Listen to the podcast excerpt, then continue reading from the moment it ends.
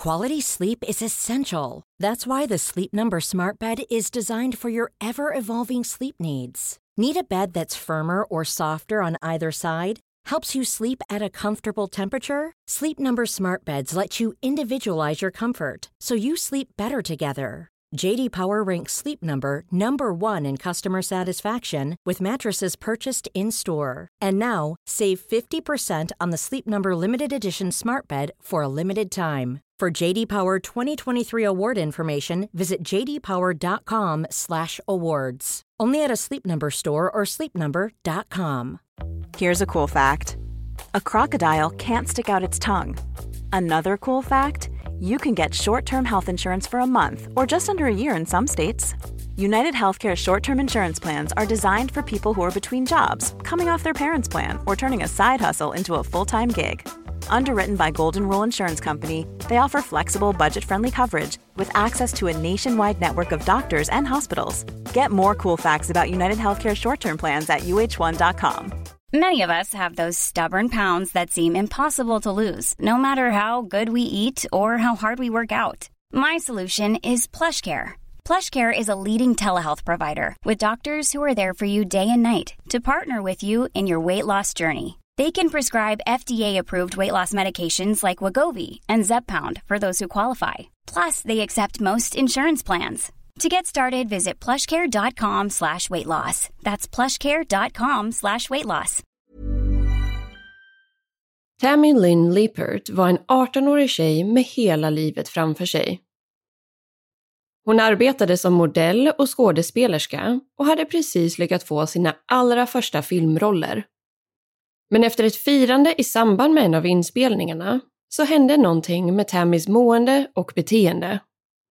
Hon blev rädd, paranoid och var övertygad om att någon var ute efter henne. Det skulle senare visa sig att hon kanske hade all anledning till att bete sig på det här viset. För i samband med ett besök till Cocoa Beach i Florida i början av juli 1983 så försvann Tammy under minst sagt mystiska omständigheter. Än idag, drygt 40 år senare, så vet man inte vad som hände och vem eller vilka som låg bakom försvinnandet.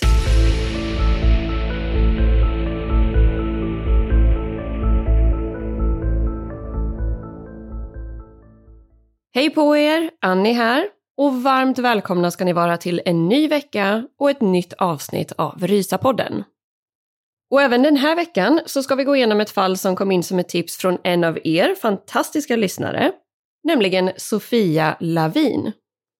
Så stort tack till dig Sofia för att du tog dig tiden att skriva till oss och att höra av dig med just det här tipset. Och fallet jag pratar om är alltså det oerhört märkliga försvinnandet av 18-åriga Tammy Lynn Liepert som försvann från Cocoa Beach i Florida den 6 juli 1983. Så nu tänker jag att vi tar och hoppar rakt in i den här veckans avsnitt.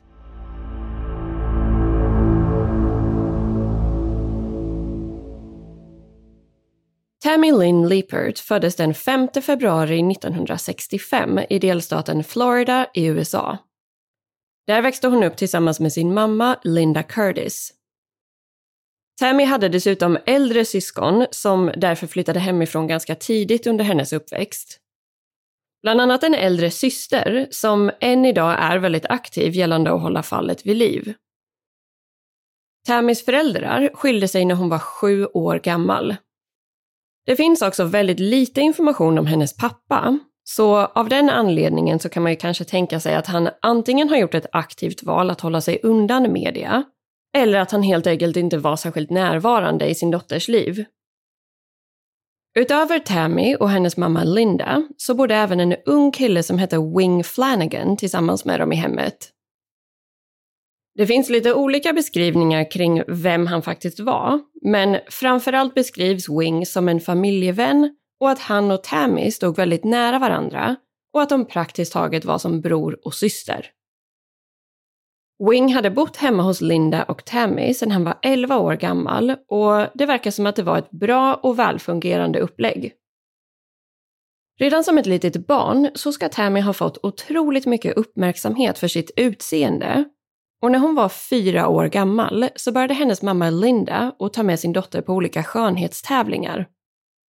Något som man definitivt kan ifrågasätta utifrån ett modernt perspektiv, men eh, som såklart fortfarande pågår och som kanske var desto mer normalt under 70-talet i USA. Det gick dessutom väldigt bra för Tammy och hon vann större delen av alla de hundratals tävlingar som hon ställde upp i under sin barndom och senare uppväxt. Hon fortsatte med olika typer av modelljobb, men redan i unga år så hade Tammy en stor dröm om att arbeta som skådespelare. Hennes mamma Linda arbetade dessutom som teater och modellagent och såg givetvis stor potential i sin unga dotter. Tammy älskade att stå på scen och började snart få mindre roller som exempelvis i olika reklamfilmer för lokala företag runt om i Florida. Hon fick senare möjligheten att synas på omslaget av den populära ungdomstidningen Covergirl Magazine. År 1983 hade Tammy hunnit bli 18 år gammal och hade då sin allra första roll i en större filmproduktion. Det här var en mindre roll i tonårsfilmen Spring Break som eh, man kanske skulle kunna beskriva lite som en föregångare till filmer som exempelvis American Pie. Handlingen i stora drag är nämligen att ett gäng unga killar åker iväg till Fort Lauderdale i Florida för att festa under sitt så kallade spring break. Så man skulle väl kunna summera det lite som att filmen till stor del handlar om att dricka öl och gå på wet t-shirt tävlingar. Men Tammy lyckades i alla fall få en mindre roll i den här filmen som en deltagare i en boxningsmatch.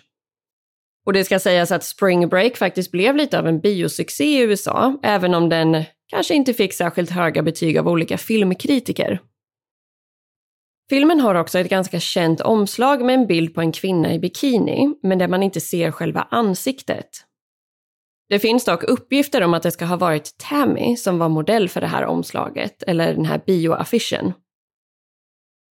Spring Break hade biopremiär år 1983 men större delen av filminspelningen skedde under 1982, när Tammy alltså var runt 17 år gammal. Det är inte helt tydligt exakt vilka datum som gäller här, men någon gång i slutet av sommaren 1982 så ska hela filmteamet och alla anställda ha haft en stor avslutningsfest under en hel helg för att fira att man nu äntligen var färdiga med produktionen. Tammy var såklart också bjuden och drog iväg ensam till den här festen. Själva filmen spelades in i Florida, där Tammy också bodde. Men det framgår inte riktigt var den här festen ägde rum och just den här händelsen benämns till och med ibland som “the mysterious weekend party”. En av anledningarna till detta är också att när Tammy återvände hem igen efter den här partyhelgen så var hon som en helt annan person. Under hela sitt liv hade hon alltid varit otroligt glad och positiv och hennes mamma Linda har uttalat sig om att Tammy i princip alltid hade ett leende på läpparna, ända från att hon vaknade på morgonen tills dess att hon gick och la sig på kvällen. Men efter den här festen började hon uppvisa en helt annan typ av beteende. Hon verkade betydligt mer lättretlig, ledsen och framförallt började Tammy bli väldigt orolig och paranoid. Både Linda och Wing kände av den här märkbara förändringen och försökte därför förstå hur hon mådde och ta reda på om någonting kanske hade hänt i samband med avslutningsfesten. Flera gånger när Wing frågade om allting var okej okay, så ska Tammy bara ha undvikit frågan och försökt byta ämne. Han insåg dock att någonting kändes väldigt fel. En gång när hemtelefonen ringde så blev Tammy helt panikslagen och sa åt Wing att svara och säga till personen som ringde att hon inte var hemma. Vid ett annat tillfälle ska hon ha sagt till Wing att hon var övertygad om att deras grannar spionerade på dem. Mamma Linda började också bli mer och mer orolig över sin dotters mående och säkerhet efter att Tammy ställde följande fråga. Mamma, vad skulle du säga om jag berättade att det finns någon där ute som försöker döda mig? Tammy ska också ha förklarat för Linda att hon hade bevittnat någonting fruktansvärt som hon absolut inte borde ha sett. Vid flera olika tillfällen så refererade hon till att de var ute efter henne och att de skulle komma efter henne om hon pratade om vad hon hade sett. Linda kände sig både orolig och förvirrad över situationen och lyckades tyvärr aldrig få någon klarhet i vilka de var och vad det var som Tammy hade bevittnat. Trots det här oroväckande nya beteendet hos Tammy så fortsatte vardagen att rulla på och i början av 1983 fick hon sin nästa filmroll. Den här gången var det i en ännu större filmproduktion och med betydligt större budget. Hon lyckades nämligen få en roll i filmen Scarface med Al Pacino. Den här filmen spelades in i Miami, Florida och Tammy passade därför på att bo hos familjevännen Walter Leibowitz. Inspelningen började i mars 1983, men för Tammy blev det ingen långvarig vistelse. Redan under den fjärde dagen så bröt hon ihop totalt i samband med att teamet skulle spela in en ganska blodig och våldsam scen. Man använde sig då bland annat av en massa sprutande låtsasblod för att få till en verklighetstrogen känsla. Men för Tammy blev det hela lite för verkligt. Hon själv var dock inte med i den här scenen, utan hon stod vid sidan av för att kolla. Men när den här scenen utspelade sig började hon helt plötsligt gråta hysteriskt och till slut fick hon till och med eskorteras tillbaka till sin husvagn där hon hade alla sina saker. Filmteamet kontaktade då familjevännen Walter Leibowitz som hon bodde hos och han skyndade såklart dit så fort han bara kunde. Väl på plats möttes han av en panikslagen Tammy som fortfarande grät hysteriskt och var helt otröstlig. Enligt Walter så upplevde han att Tammy led av en otrolig ångest och framförallt att hon verkade livrädd. Han gjorde såklart sitt allra bästa för att försöka förstå vad det var som hade hänt och varför hon mådde på det här viset. Hon ska då bland annat ha sagt att de skulle döda henne och att hon inte visste var hon skulle gömma sig. Utöver det ska Tammy ha sagt någonting om penningtvätt, men Walter lyckades aldrig förstå exakt vad eller vilka personer det handlade om. Efter den här korta och intensiva perioden på filminspelningen så åkte Tammy hem igen. Och trots att hon inte stannade kvar under hela produktionstiden så hade hon i alla fall hunnit med tillräckligt för att faktiskt synas i filmen. När Scarface sen hade premiär i USA i slutet av 1983 så kunde man se Tammy spela rollen av en blond kvinna i blå bikini som har i uppgift att distrahera karaktären Manny när han sitter i sin bil under den så kallade motorsågscenen i badrummet. Tragiskt nog skulle Tammy aldrig få möjligheten att delta på den här filmpremiären eftersom hon själv försvann flera månader innan den ägde rum.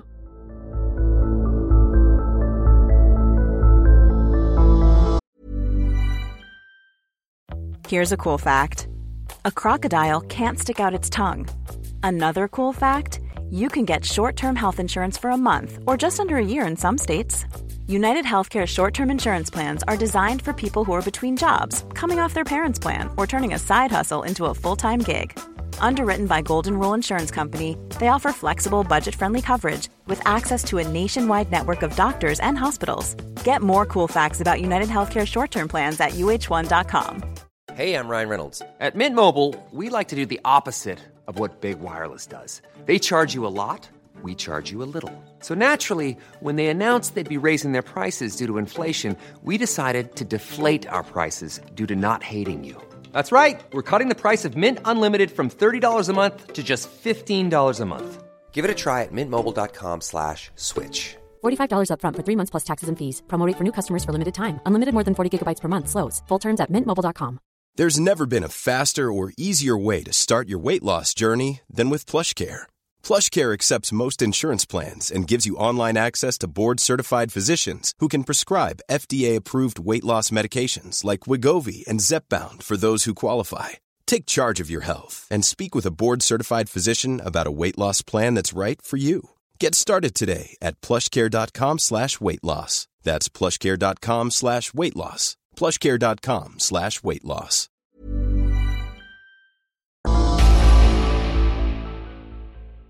Efter den här incidenten på filminspelningen i mars 1983 så pratade familjevännen Walter Leibowitz ihop sig med Tammys mamma Linda. Hans starka rekommendation var att Linda skulle ta med sig sin dotter både till en läkare men också till polisen. För det var ju nämligen inte helt uppenbart om Tammys beteende faktiskt var grundat i ett riktigt vålds eller dödshot, eller om det kanske handlade om någonting psykiskt som behövde utredas vidare. Linda var ju givetvis också redan medveten om Tammys förändrade och paranoida beteende och lyckades till slut få med henne till den lokala polisstationen. Dessvärre så verkar det märkligt nog inte finnas några dokumenterade anteckningar från det här mötet. Men enligt uppgift så ska Tammy i alla fall inte ha nämnt någonting alls om att hon kände sig hotad, jagad eller rädd. Men med tanke på att hon vid flera tillfällen hade sagt att de skulle döda henne om hon berättade vad hon hade sett, så låter det väl tyvärr ganska så rimligt. Under de nästkommande tre månaderna fortsatte Tammys beteende att eskalera till helt nya nivåer. Det kunde dock variera en del och enligt Wing så ska Tammy ha varit nästintill normal under vissa dagar och sen väldigt paranoid och på helspänd under andra dagar. Hon var övertygad om att någon försökte förgifta hennes mat och hon vägrade äta eller dricka saker från öppnade förpackningar. Vid något tillfälle ska hon till och med ha bett Wing att provsmaka hennes mat innan hon själv började äta. Det framgår inte helt tydligt om Linda lyckades få med Tammy till en läkare eller psykolog under den här perioden, men det verkar i alla fall inte som att det blev så. Och sen, den 1 juli 1983, så inträffade en incident som återigen indikerade att saker och ting inte stod rätt till och att Tammy inte mådde bra. Hon och Wing var då hemma i bostaden tillsammans och helt plötsligt så ska Tammy ha sagt åt honom att sluta titta på henne. Wing ska då ha förklarat att han inte alls hade kollat på henne. När hon sen gick ut för att ta lite luft efter det här så ska vinden ha råkat slå igen dörren bakom henne så att den låstes automatiskt. Det här gjorde såklart att hon inte kunde komma in igen och Tammy blev då helt panikslagen. Hon började skrika och banka på dörren, men varken Wing eller Linda hann komma dit snabbt nog för att öppna innan hon började slå sönder ett fönster med hjälp av ett baseballträ. Wing sprang ut och sa åt Tammy att lugna ner sig och sluta och hon började då ge sig på honom istället. Detta eftersom att hon var övertygad om att det var han som hade stängt och låst dörren med flit. Wing har uttalat sig om att Tammy hade en helt galen blick vid det här tillfället och att det var som att hon inte ens kände igen honom. Linda upplevde exakt samma känsla och hon ingrep snabbt för att försöka lugna ner sin dotter. Hon försökte hålla om henne och förklara att det var mamma och att det inte var någon fara. Och till slut började Tammy lugna ner sig igen. Den här incidenten blev spiken i kistan för Linda och efteråt så valde hon att ta med sig Tammy till sjukhuset för en grundlig fysisk och psykisk undersökning. Väl där gjordes flera tester och undersökningar, men man kunde då inte hitta några spår av till exempel droger eller alkohol i hennes kropp. Hon fick också stanna kvar för observation, men det verkade inte finnas någonting som oroade dem så pass mycket att hon behövde bli inlagd under en längre period.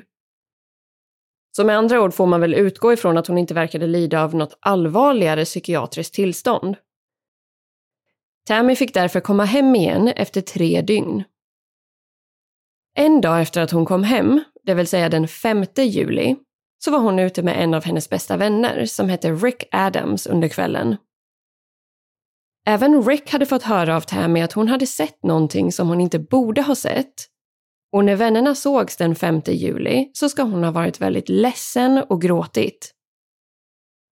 I samband med att Rick släppte av Tammy hemma igen så ska hon också ha sagt att hon älskade honom och att hon kanske skulle behöva åka bort ett tag. Mer detaljer än så ska hon dock inte ha delat med sig av vid just det här tillfället. Dagen efter det här, onsdagen den 6 juli 1983, så verkade saker och ting ovanligt normalt hemma hos Linda, Tammy och Wing. Och Tammy verkade må bättre än hon gjort på länge. Runt lunchtid den här dagen så kom en annan kompis förbi för att hämta upp Tammy i sin bil. Och det här var en kille som hette Keith Roberts. Innan Tammy lämnade bostaden så sa hon hej då till sin mamma och att de skulle ses lite senare. Linda har dock uttalat sig om att hon i exakt det ögonblicket fick en väldigt obehaglig och orolig känsla i kroppen. Och det här skulle senare visa sig vara sista gången som hon någonsin såg sin dotter. Den här kompisen, Keith Roberts, bodde egentligen i en annan del av Florida och nästan två timmar därifrån. Men han ska ändå ha kommit och mött upp Tammy eftersom att hon ska ha sagt att hon behövde hjälp. Vännerna körde sedan iväg till den närliggande stranden Cocoa Beach. Senare under dagen så ska de däremot ha börjat tjafsa och bråka. Och det finns lite varierande uppgifter om vad det här bråket handlade om. Enligt vissa källor ska Tammy ha velat ha skjuts någonstans ganska långt bort och Keith ska då inte ha velat köra dit. Men av någon anledning så ska Tammy i alla fall ha blivit så pass arg att hon ville kliva ur bilen. Keith gjorde som hon sa och stannade därför till vid en byggnad som hette Glass Bank och som låg nere vid Cocoa Beach. Hon hoppade sen ur bilen på parkeringsplatsen och Keith Roberts blev därmed den sista personen som såg Tammy innan hon försvann. Det här var runt klockan tre på eftermiddagen den 6 juli och hon befann sig då ungefär 30 minuters bilresa hemifrån. Flera källor har uppgett att Tammy var barfota när hon klev ur bilen. Men det verkar som att man i efterhand har kunnat styrka att hon faktiskt hade ett par sandaler eller flipflops på sig. Konstigt nog finns det också varierade uppgifter om ifall Tammy lyckades få med sig sin handväska eller inte. Vissa källor uppger att hon inte ens hade med sig en väska när hon lämnade bostaden, så det är faktiskt ganska så oklart vad som egentligen stämmer där. Men utöver det ska hon i alla fall ha haft på sig en blå jeansskjorta med blombrodyr på och en matchande jeanskjol. Tammy hade en kort och nätt kroppsbyggnad med blont lockigt hår och bruna ögon. Efter att hon blev avsläppt av Keith på parkeringen så finns det uppgifter om att Tammy ska ha lånat en telefon och ringt till en släkting som hade en butik i Cocoa Beach samt till en annan vän. Tyvärr ska ingen av dem ha haft möjlighet att svara och man kan ju därför inte låta bli att undra hur det här eventuellt hade kunnat gå om de nu hade gjort det. Efter de här telefonsamtalen så vet man inte vad som hände Tammy eller var hon tog vägen. Det dröjde sedan flera dagar innan Linda valde att anmäla sin dotter försvunnen hos polisen, ända fram till den 11 juli. Och det kanske fanns någon väldigt rimlig anledning till det här. Men rent spontant kan man ju såklart undra varför det dröjde så pass länge med tanke på att Tammy hade betett sig väldigt märkligt under den senaste tiden. Och att Linda faktiskt kände sig lite orolig redan när hon lämnade bostaden den 6 juli. Men när polisen väl började utreda försvinnandet så blev givetvis Keith Roberts en uppenbar misstänkt. Han var den sista personen som såg henne och hade även erkänt att de hade bråkat med varandra innan han släppte av henne. Man kan ju dock tänka att om han nu var skyldig så hade han ju faktiskt bara kunnat hålla tyst om den delen och säga att Tammy ville bli avsläppt vid Glassbank för att göra någonting annat. Polisen ska inte heller ha kunnat få fram några bevis för att Keith skulle ha varit inblandad eller att han hade någonting att göra med försvinnandet. Det finns fortfarande vissa som är skeptiska till uteslutandet av Keith i utredningen eftersom att polisen tog ganska lång tid på sig att kontakta honom och att han själv kanske inte ska ha varit särskilt samarbetsvillig när de väl gjorde det. Men det finns som sagt inga konkreta bevis eller vittnen som kan styrka att han gjorde någonting annat än precis det han blev ombedd att göra av Tammy den där dagen. En annan teori är såklart att Tammy skulle ha råkat ut för någonting i samband med att hon vandrade runt ensam på Cocoa Beach. Exempelvis att hon skulle ha blivit upplockad av någon som hade allt annat än goda intentioner. Polisen utredde bland annat en seriemördare från Australien som hette Christopher Wilder och som var aktiv i USA och även i just Florida under början av 80-talet. Christopher Wilder kallades dessutom för Beauty Queen Killer eftersom att han brukade lura in unga kvinnor med falska löften om att han kunde hjälpa till att fixa olika modelljobb och fotograferingar. Under en period blev Linda övertygad om att det var Christopher Wilder som låg bakom Tammys försvinnande och antagna mord. Och hon ska till och med ha sagt att hon kände igen honom och trodde att han vid något tillfälle hade besökt hennes modellagentur. Linda var till och med så pass övertygad att hon skickade in en stämningsansökan gentemot Christopher på en miljon dollar. Den här stämningen blev dock nedlagd ganska så direkt på grund av bristande bevisföring. Christopher Wilder blev sen ihjälskjuten i samband med ett polisingripande bara något år efter Tammys försvinnande. En annan potentiell misstänkt i fallet var en serievåldtäktsman som hette John Brennan Crutchley och som var aktiv i Florida under slutet av 70-talet och början av 80-talet. Han kallades också för The Vampire Rapist eftersom att han tömde ett av sina offer på nästan hälften av hennes blod och sen drack blodet. Mirakulöst nog så lyckades den här kvinnan fly och få hjälp i tid. Och tack vare att hon överlevde och var modig nog att peka ut John Crutchley så åkte han fast. Det ska dock inte ha funnits några konkreta bevis för att han skulle ha varit inblandad i just Tammys försvinnande. Så även John blev utesluten av polisen och han dog sedan år 2002 efter att ha begått självmord i sin egen fängelsecell. En annan vanligt förekommande teori är såklart att Tammy råkade ut för någonting på grund av det hon ska ha bevittnat i samband med avslutningsfesten för filmen Spring Break år 1982. Hon ska trots allt ha nämnt det här för flera olika personer och var uppenbarligen väldigt rädd och paranoid. Det verkade ju inte heller finnas någonting som tydde på att hon led av något psykiatriskt tillstånd eller diagnos och att hon skulle ha hittat på allting eller att hon bara inbillade sig att folk var ute efter henne. Tammy nämnde ju bland annat penningtvätt för familjevännen Walter och det finns därför tankar om att hon skulle ha kommit över information om ett stort drognätverk eller någon annan form av organiserad brottslighet i området. Så kanske var det helt enkelt så att hon såg någonting som hon inte borde ha sett och blev tillsagd att hon skulle bli mördad om hon avslöjade någonting. Därefter blev hon kanske triggad och påmind om allting under den senare inspelningen av Scarface. Oavsett vad så går det ju verkligen inte att förneka att någonting hände med Tammy under den här festhelgen eftersom hon verkade komma hem med en helt annan personlighet och beteende. En helt annan teori är att Tammy valde att försvinna iväg och att hon ville lämna sitt gamla liv bakom sig.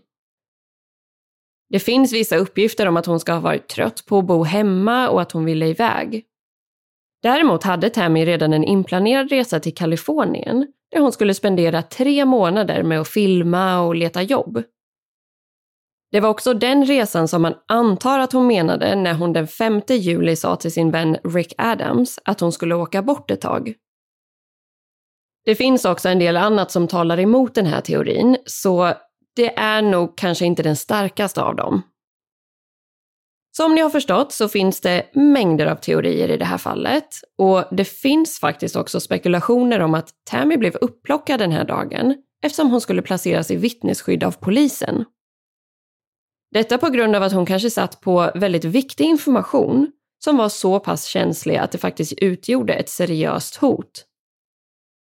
Polisen har också fått en del kritik både av allmänheten och framförallt av Linda för att bland annat inte ha agerat snabbt nog eller intervjuat tillräckligt många eller rätt personer.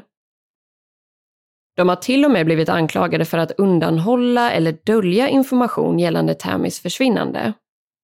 Men återigen så är det här bara tankar och spekulationer snarare än någonting som faktiskt har kunnat bevisas.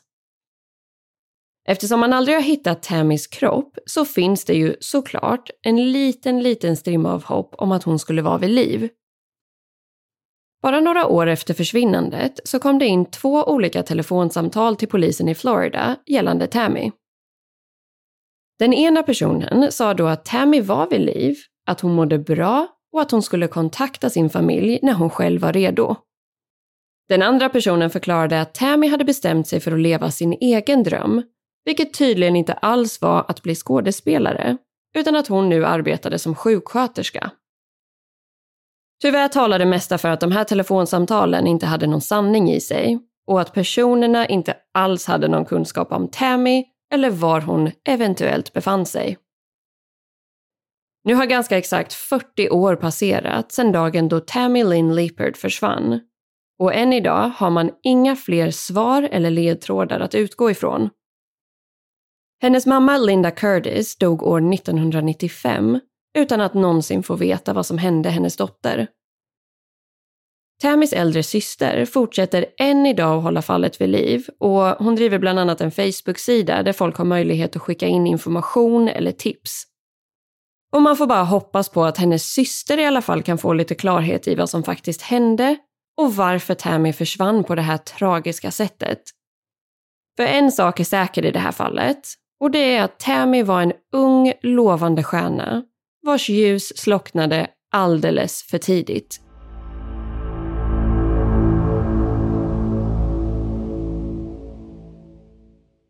Ja, nu var det ju faktiskt ett litet tag sedan vi hade ett sånt här typ av fall i podden. Och man hinner nästan glömma bort hur pass galen man kan bli av att det finns någon, eller några, som går runt där ute och faktiskt vet vad som hände.